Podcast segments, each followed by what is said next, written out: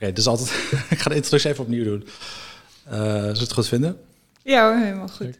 Ik was wel benieuwd of het meteen voor het echi zou zijn of dat we even een soort van proefronde konden Ja, nee, dat was een proefronde. Vorige keer hebben we wel meteen voor het echi gedaan. Oké.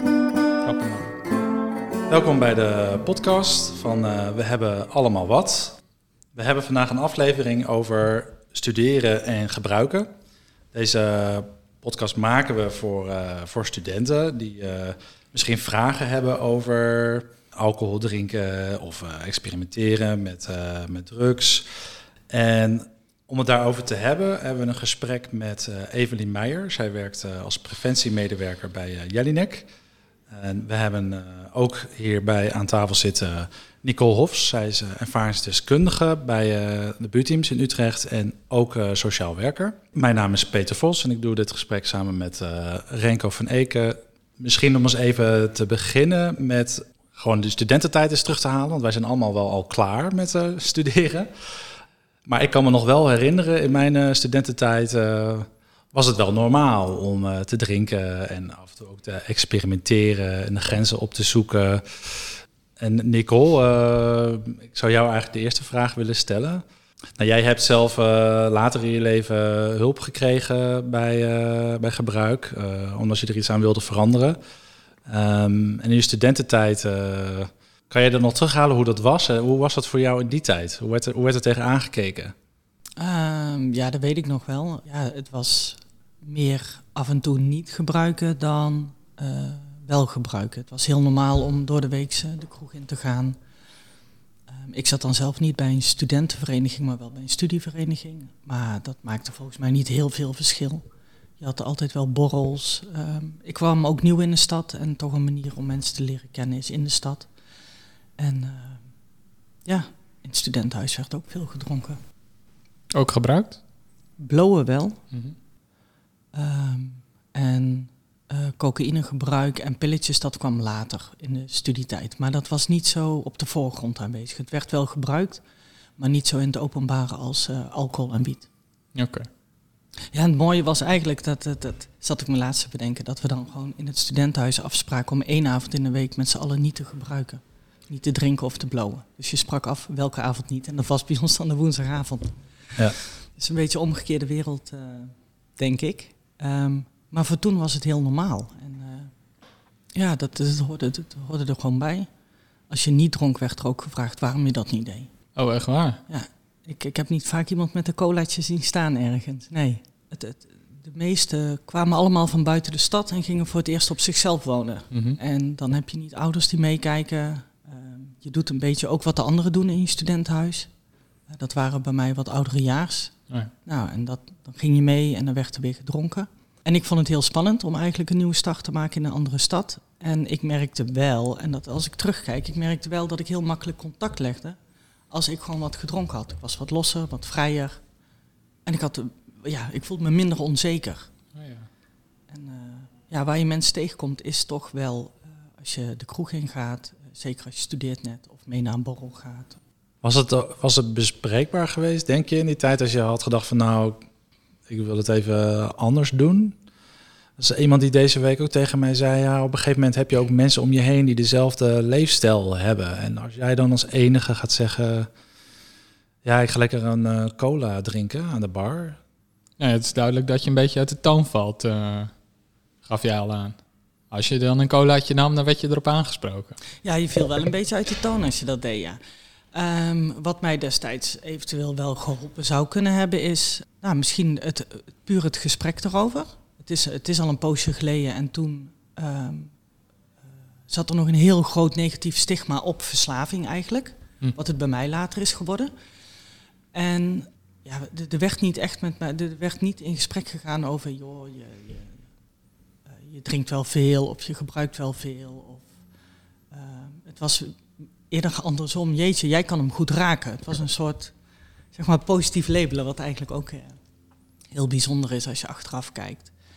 En nu denk ik, in de huidige tijd, ja, ik, ik denk, voor mij zou het geholpen hebben als dingen anoniem konden.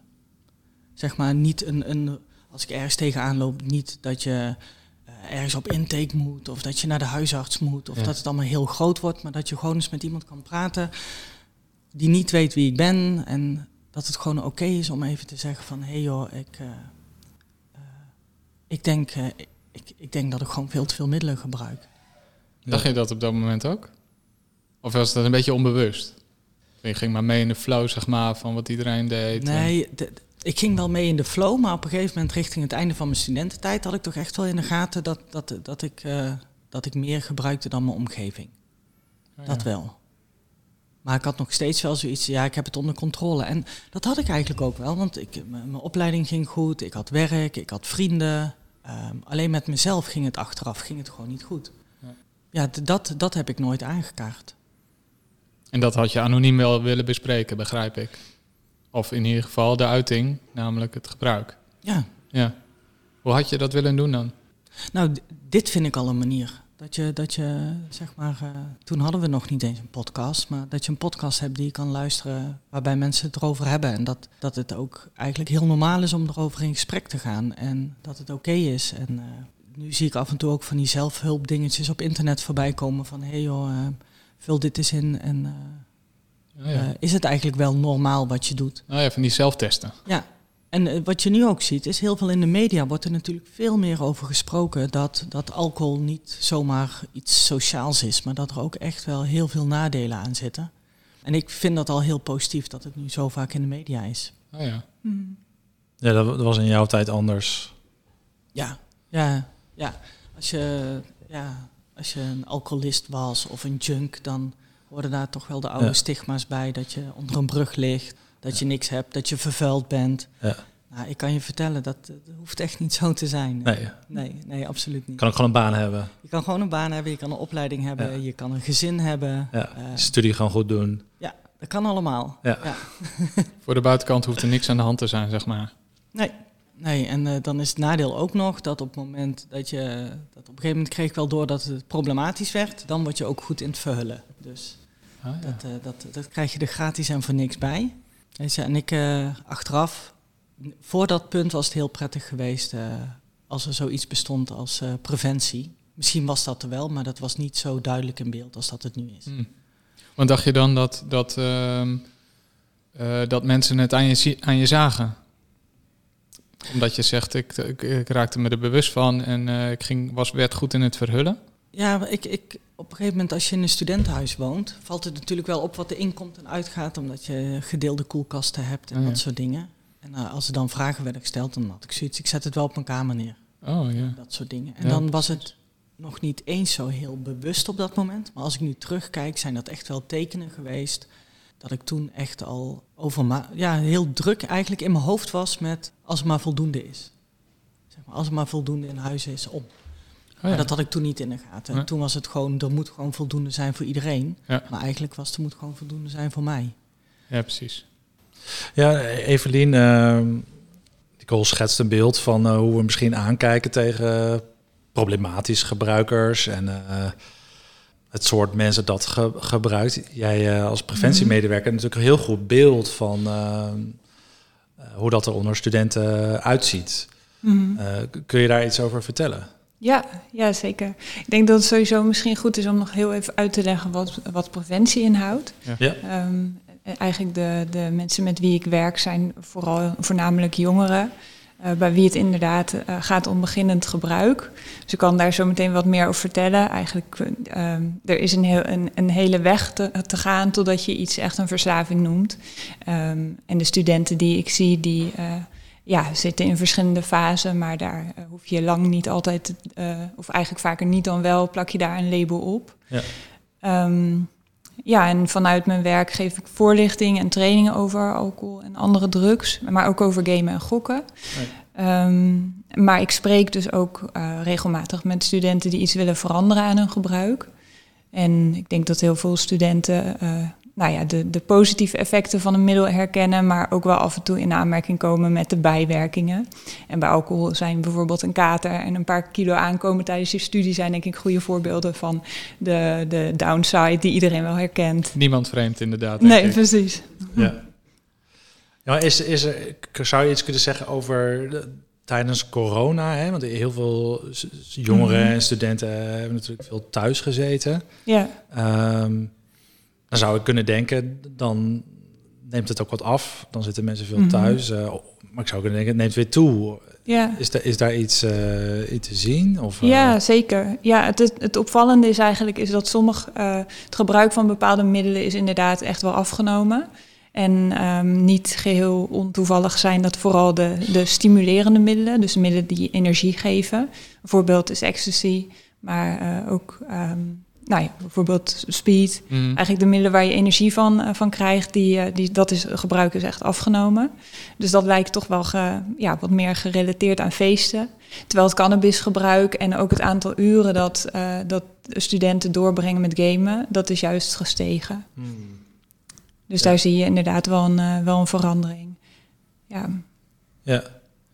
ja, in mijn tijd, in mijn studententijd, was inderdaad denk ik ook nou, het alcoholgebruik uh, met name. En uh, af en toe experimenteren met ecstasy zag ik toen veel. Ja. Hoe, hoe is dat uh, op dit moment? Hè? Is er, zijn er hele eh, andere trends? Of, Nou, dat, dat kunnen we eigenlijk niet goed vergelijken, omdat dit jaar eigenlijk voor het eerst een heel grootschalig onderzoek is gedaan naar middelengebruik onder studenten. Dus we oh. weten wel een beetje wat er nu speelt. Uh, ik denk dat ik het dus niet echt kan vergelijken met de, met de tijd waarin jij studeerde. Um, maar wat we zien is dat inderdaad nou, alcohol, eigenlijk wat, uh, wat Nicole net ook al noemde, dat dat uh, de number one drug onder, uh, onder studenten is. Ja. En vaak wordt dat niet zo gezien, hè? Als het wordt niet als een, drug, drug, gezien, nee, nee, nee. Wij noemen het ook best wel bewust alcohol en andere drugs. Ja. Uh, omdat het ja, een middel is, het doet iets met je hersenen. Um, en als het nu op de markt zou komen, zou het absoluut in het rijtje drugs vallen. Het enige verschil is eigenlijk is dat je het in de supermarkt kunt kopen. Ja, en dat, dat maakt ook dat het uh, sociaal wat meer geaccepteerd is en dat studenten van elkaar onderling, um, dat blijkt ook uit het onderzoek, dat ze het niet gek vinden als je veel drinkt. Dus als iemand tien bier op een avond drinkt, dan, ja. Um, ja, dan wordt, wordt daar niet heel hard een oordeel over geveld. Terwijl als iemand veel bloot of uh, veel speed gebruikt, dan uh, wordt daar op een andere manier naar gekeken. Ja. Ja, maar je, en je vroeg eigenlijk van, hè, wat zie je nu onder studenten qua gebruik? Um, nou, wat uit dat onderzoek naar voren komt, is dat uh, ja, toch meer dan 90% van de studenten wel alcohol drinkt. Um, waarvan 1 op de 10 um, dan in, ja, dat noemen ze een categorie zware drinker hm. valt. Dus dat betekent dat je, ja, daar hangt dan een hele definitie achter. Als man is dat dan meer dan 21 glazen in een week, als vrouw 14 glazen in een week moet ik meteen de kanttekening geven dat je ook heel goed een zware drinker kunt zijn en de rest van je leven prima op orde kunt hebben. Ja. Ja. Maar dat kwam wel naar voren uit het onderzoek. En uh, je hebt het over glazen, hebben we het over die kleintjes? Of uh, wat voor uh, in hoeveelheden zitten we dan? dan hebben we het over een standaard glas. Dus mensen die in de horeca werken, die herkennen dat denk ik. Dat een bierglas, een wijnglas, een shotglaasje, dat dat evenveel alcohol bevat. Ja, ja. ja, ja. ja ik heb er ook wel eens van gehoord inderdaad. Ja.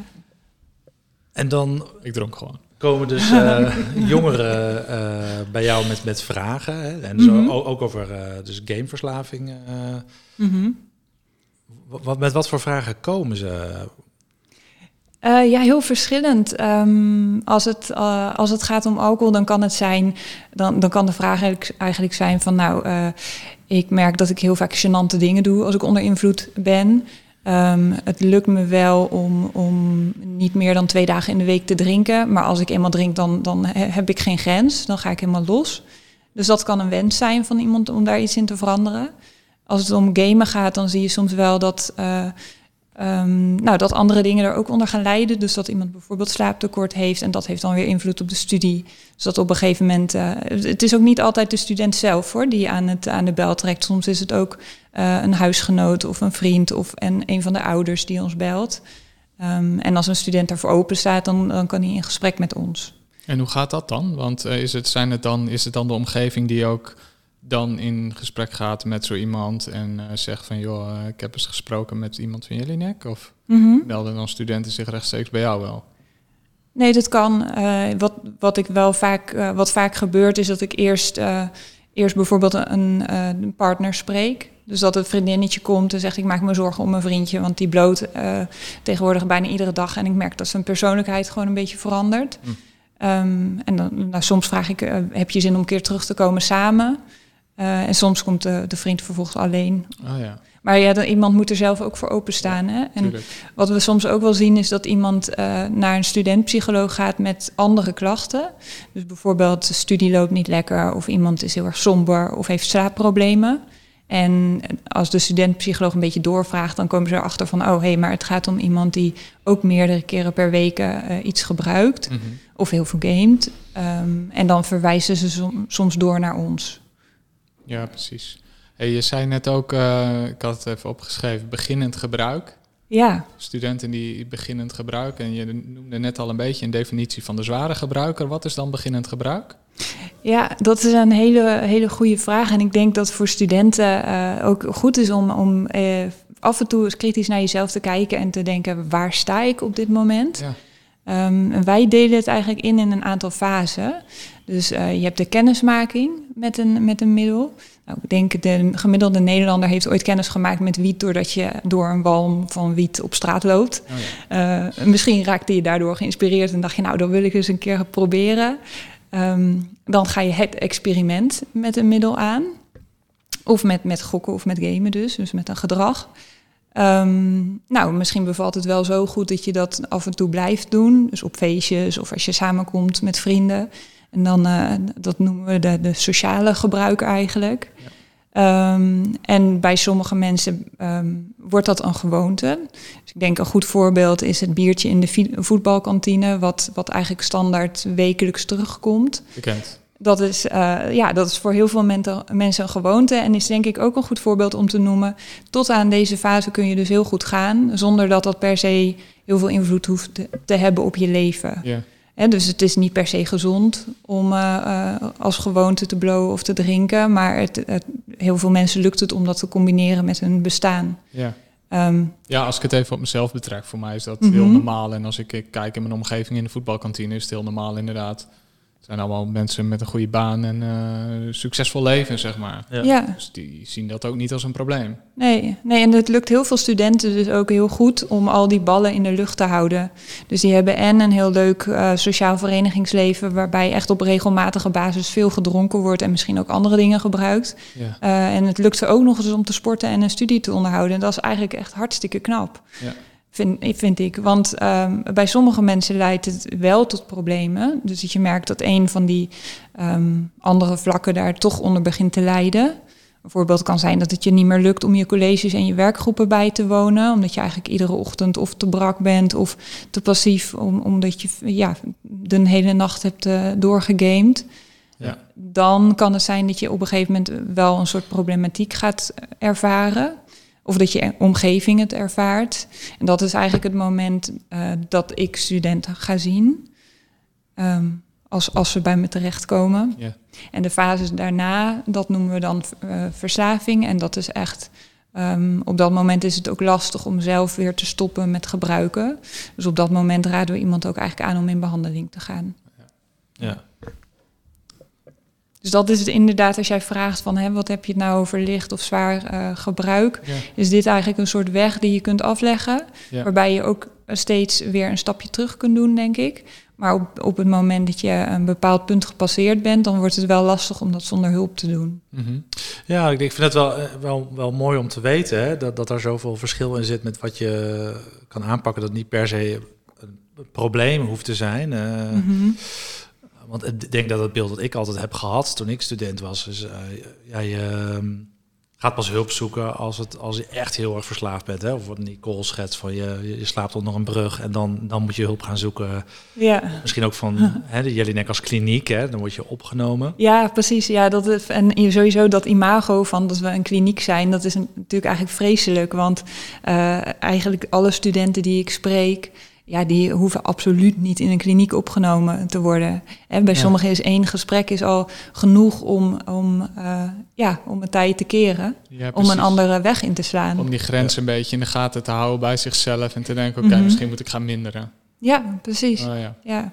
ja, maar dan en, heb je het over minderen. Dan gaat het niet eens over per se... Uh, nee, stopt. Ik denk dat een heleboel mensen niet uh, willen stoppen met drinken. Nee. Het wordt in de regel toch ook wel een beetje als een sociale aangelegenheid gezien. Dus tenminste, zoals ik het herken. Kijk, uh, Nicole ook even aan. eh, Ja, maar dat, dat denk ik dat dat ook zo is.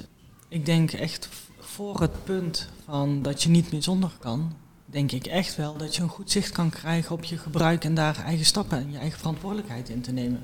Met Ja. hulp van eventueel gesprekken, zonder zeg maar de, de doemscenario's van eh, bruggen en klinieken. Dat denk ik echt wel. ja.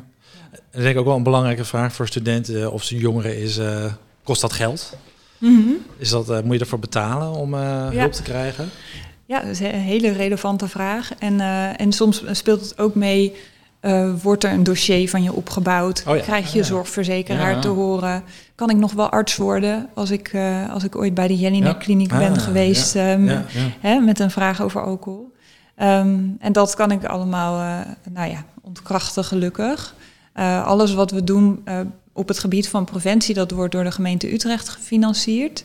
Dus dat betekent dat je niet langs je huisarts hoeft voor een verwijzing. En dat gaat ook niet via de zorgverzekeraar.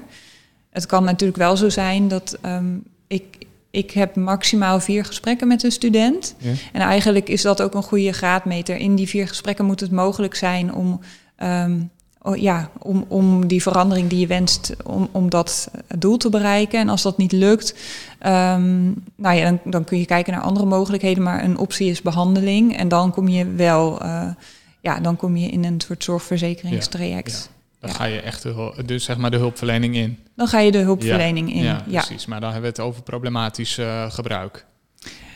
ja, in elk geval in die mate dat, dat preventie dus niet voldoende is. Nee, precies, ja, Ehm, dat bedoel ik. Ja, ja en eh, nog steeds wordt je privacy natuurlijk gewaarborgd. Ja. Ehm, maar bij ons is denk ik wel heel fijn, is dat je, je kunt gewoon, ja, je kunt ook anoniem bellen. Eigenlijk waar die behoefte die Nicole had in de tijd, Ja, ja. die is er nu wel. Er is een chat eh, waar je anoniem met iemand kunt chatten. Er is, je kunt bellen ehm, en, en een keer anoniem je verhaal doen. Of eh, het verhaal over je huisgenootje kan ook. ja, Ehm, precies. Dus dat is in die zin proberen we wel laagdrempelig te zijn. Ja, en eh, eh, want je zegt ehm eh, even bellen over je huisgenoot bijvoorbeeld kan ook. Geef je dan ook tips of ga je in gesprek met diegene dan over hoe die met zijn huisgenoot in gesprek kan? Of, of, of het eh, een beetje kan aanstippen? Mhm. Ja, dat kan. Zeker. En soms, als, als het iemand is die, dicht die heel dicht bij je staat, dan kan het, ja, dan noemen we het eigenlijk hulp voor naasten. Dat Ja. bieden wij Oh, ja. Dus als het bijvoorbeeld om een familielid gaat, of om, eh, nou, om je beste vriendin, of om degene met wie je een relatie hebt, dan eh, kan je soms zelf ook behoefte hebben aan begeleiding daarin. Ja. En dat bieden we ook. Dus dat gaat dan meer over een stukje hoe bewaak je je eigen grenzen en Ja. eh, hoe kun je iemand helpen zonder dat je daar zelf onder, onder lijdt. Ja, precies. Ja, want dat is denk ik ook wel fijn voor, voor mensen om te weten die misschien zich zorgen maken over een ander. eh, Mhm. Hoe ze dat gesprek aan kunnen gaan. En jij doet het zelf ook, hè, Nicole? Jij gaat natuurlijk vanuit jouw eigen ervaringskundigheid ook met mensen in gesprek. Ja. Hoe, hoe, hoe ga jij dat gesprek aan? Hoe maak je het bespreekbaar? Dat is heel wisselend. Sommige mensen melden zich aan bij het buurteam. Dat ze graag eh, gesprek willen op ondersteuning bij eh, zicht op gebruik, stoppen met gebruik. eh, af en toe ook een stukje toeleiding naar eh, wel een kliniek. En soms merk ik ook in gesprekken met eh, mensen die met een hele andere vraag komen dat er wel gebruik aan ten grondslag ligt.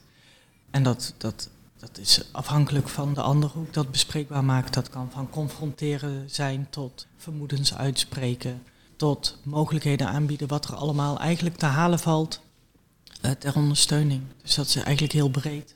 En het hangt dan af van de, de inschatting die je maakt wat nodig is. Dan. Ja.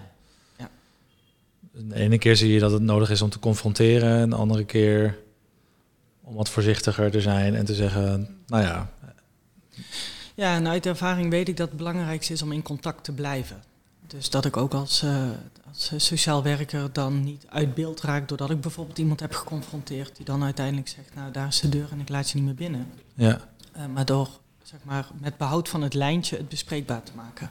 ja. En soms, eh, in sommige gevallen bespreek ik ook heel open mijn eh, dingen waar ik tegenaan ben gelopen. En dat opent soms deuren voor de ander. Dat je jezelf ook kwetsbaar opstelt. Ja. Ja. Ja. Want, dat, want het is belangrijk dat mensen, dat ga ik even een aanname doen hoor, dat mensen dan voelen dat, dat je geen oordeel hebt. Of eh, waar- waarom is dat dan? eh? Nou, dat is eigenlijk, eh, ik, ik denk dat, dat het oordeelloos is, maar dat het ook dus gewoon je eigen hulpverlener dus ook met dat probleem te maken heeft gehad. Ehm, en dat er dus ook een oplossing voor kan zijn. Ja. En ik denk dat dat heel erg belangrijk is voor anderen. Dat eh, als je er op een gegeven moment echt in verwikkeld bent of eh, je zit in de categorie zwaar, dat het niet is dat je automatisch doorschiet naar een verslaving, maar dat, dat er dus ook Ja. wel hulpmiddelen zijn eh, die ervoor zorgen dat je gewoon heel relaxed verder kunt leven en af en toe op misschien een sociale manier wel gewoon je wijntje of je biertje kan drinken. Ja. Ja, precies. Is het dan ook zo, eh, want ehm, eh, dan is iemand in contact met het buurteam, want omdat je, je werkt natuurlijk bij het buurteam.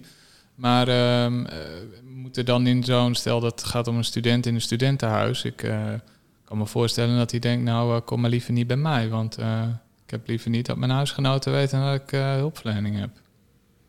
Kunnen ze ook op kantoor langskomen? Of hoe, hoe Ja, altijd. Dat kan op kantoor. eh, met, de, met de maatregelen die we hebben gehad, eh, was het ook heel vaak eh, buiten wandelen. Oh ja, Dus gewoon even kijken.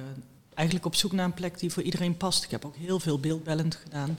oh ja. Dat is allemaal prima. Dat, eh, dat is eigenlijk wat past voor iedereen. Ja, ja nee, ik stel de vraag natuurlijk ook omdat, omdat je het net ook al had over een bepaalde anonimiteit waar je dan soms wel behoefte aan hebt.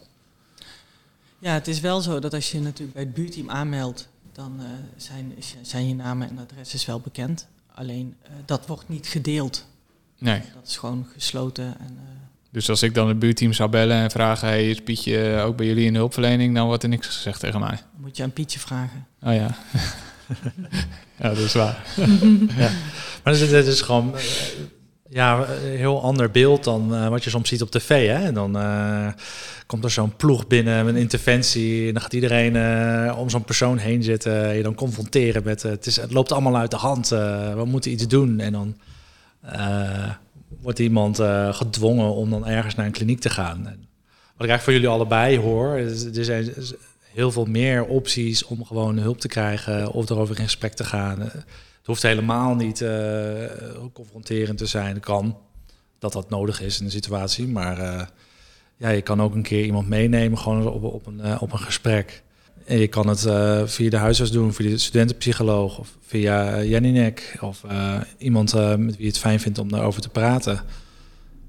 En je hoeft niet gelijk opgenomen te worden. Nee, nee, zeker niet. Gelukkig maar. Nee, gelukkig niet. Zou het zijn. Ja. Nee, het, is, het is wel ook een beetje een hardnekkige aanname dat verslaving onder studenten helemaal niet voorkomt. Ja. Eh, ik geef wel eens voorlichting, ook bij studentenverenigingen. En dan eh, blijkbaar heeft er ooit in de dikke vandalen gaan staan dat je eh, als student niet verslaafd kunt, kunt zijn aan alcohol. De normen gelden niet voor Oh, studenten. ja, Precies ja. zo van Ja. verslaving is als je zoveel Ja. drinkt per week, behalve als je student bent. Dat, volgens mij stond dat er ooit Ja. in. Nou, het staat er nu niet meer. Eh, maar we, we hebben wel eh, af en toe mensen of studenten in behandeling. Dus het komt zeker wel voor. Maar ehm, wat de belangrijkste boodschap is, denk ik, die ik wil geven, is dat je. Ehm, eh, je hoeft helemaal niet zo ver te zijn om een keer met iemand hierover in, inderdaad in gesprek te gaan. Ja. Dat kan inderdaad een hulpverlener zijn. En er zijn, de, ja, dat aanbod is er. Zeker in Utrecht is er heel veel voor studenten. Ja. Maar dat kan inderdaad ook met een huisgenoot of met eh, iemand uit je voetbalteam. Of met, eh, ja. En, en eh, ook als je zelf je zorgen maakt om iemand in je omgeving, dan ehm, kijk ook eens op jellinek.nl bij naasten. Daar staan ook heel veel tips over hoe je het gesprek goed aan kan gaan, waar we het net al even over hadden. En echt een heel simpel voorbeeld is, doe dat vooral als iemand nuchter is. Oh, Misschien ja. een beetje een open deur, maar eh, eh, ja, het is toch soms verleidelijk om op het moment dat iemand dronken eh, te laat thuis komt en je denkt, ah, gaan we weer om dan te gaan ruzie maken. In plaats van dat je de volgende dag zegt van hé, hey, het is nou de vijfde keer deze week dat dit gebeurt. Ehm, wat, wat, wat, wat speelt er? Wat, Ja, wat maakt dat het, eh, ja, wat maakt dat dit gebeurt? Ja. Ja. Is er, is er nog iets, ehm, ik denk mooi om daarmee eh, af te ronden, tenzij jij nog een andere vraag had, eh nee, Renko? nee, nee, ik was op zoek naar een soort van eh, gouden nabrander of zo. Ja, nou, nee, nee, daar ben ik nu ook Ja, in mijn hoofd mee Het bezig. lijkt Ja. me heerlijk om nog een goede afsluiting te hebben. Is er, is er iets wat jullie... de, er luistert nu iemand die denkt, eh, nou, interessant allemaal. eh, wat moeten zij nou echt nog, nog weten, wat we nog niet hebben gezegd? Of, eh, Ehm, nou, ik denk vanuit Jellinek is het wel leuk om te weten dat wij, dat wij ook een vrijwilligersproject hebben. Dat heet LOS. En dat is echt, uh, dat richt zich voornamelijk, of dat richt zich alleen maar op studenten. Uh, en dat zijn zelf studenten die uh, ervaring hebben met alcohol en cannabis, nou, soms ook nog wel wat andere dingen. Um, en die voorlichting geven op, op feestjes en op evenementen van de universiteit en de hogeschool over het gebruik. Oh ja. En je, je kan hun ehm, je kan hun opzoeken. Je kan ze ook uh, boeken voor een avond op je studentenvereniging of op je studie, uh, oh. studievereniging. Dus dat is heel leuk om daarnaar te kijken. En dan kun je dus ook met iemand. Uh, ja, dat zijn ook. het is een voorbeeld van hoe je heel open het gesprek aan kunt gaan met elkaar. Ja, oké. En de informatie staat op Jelinek ja, website. Zeker. Als je daar even studenten intypt, dan, dan vind je sowieso ons hele aanbod. Oké. Okay. Ja. ja. Top. Wil jij nog een laatste iets meegeven, uh, Nicole? Ja, nou ja, ik zou uh, vooral zeggen, ga daar eens kijken wat ja. ze te bieden hebben. Ik had het toen niet en uh, ik zou er blij mee geweest zijn. Ja, oké. Okay. Mooi. Nou, ik, dat was de nabrander waar ik ja, zeker, was. Precies, dat is hem.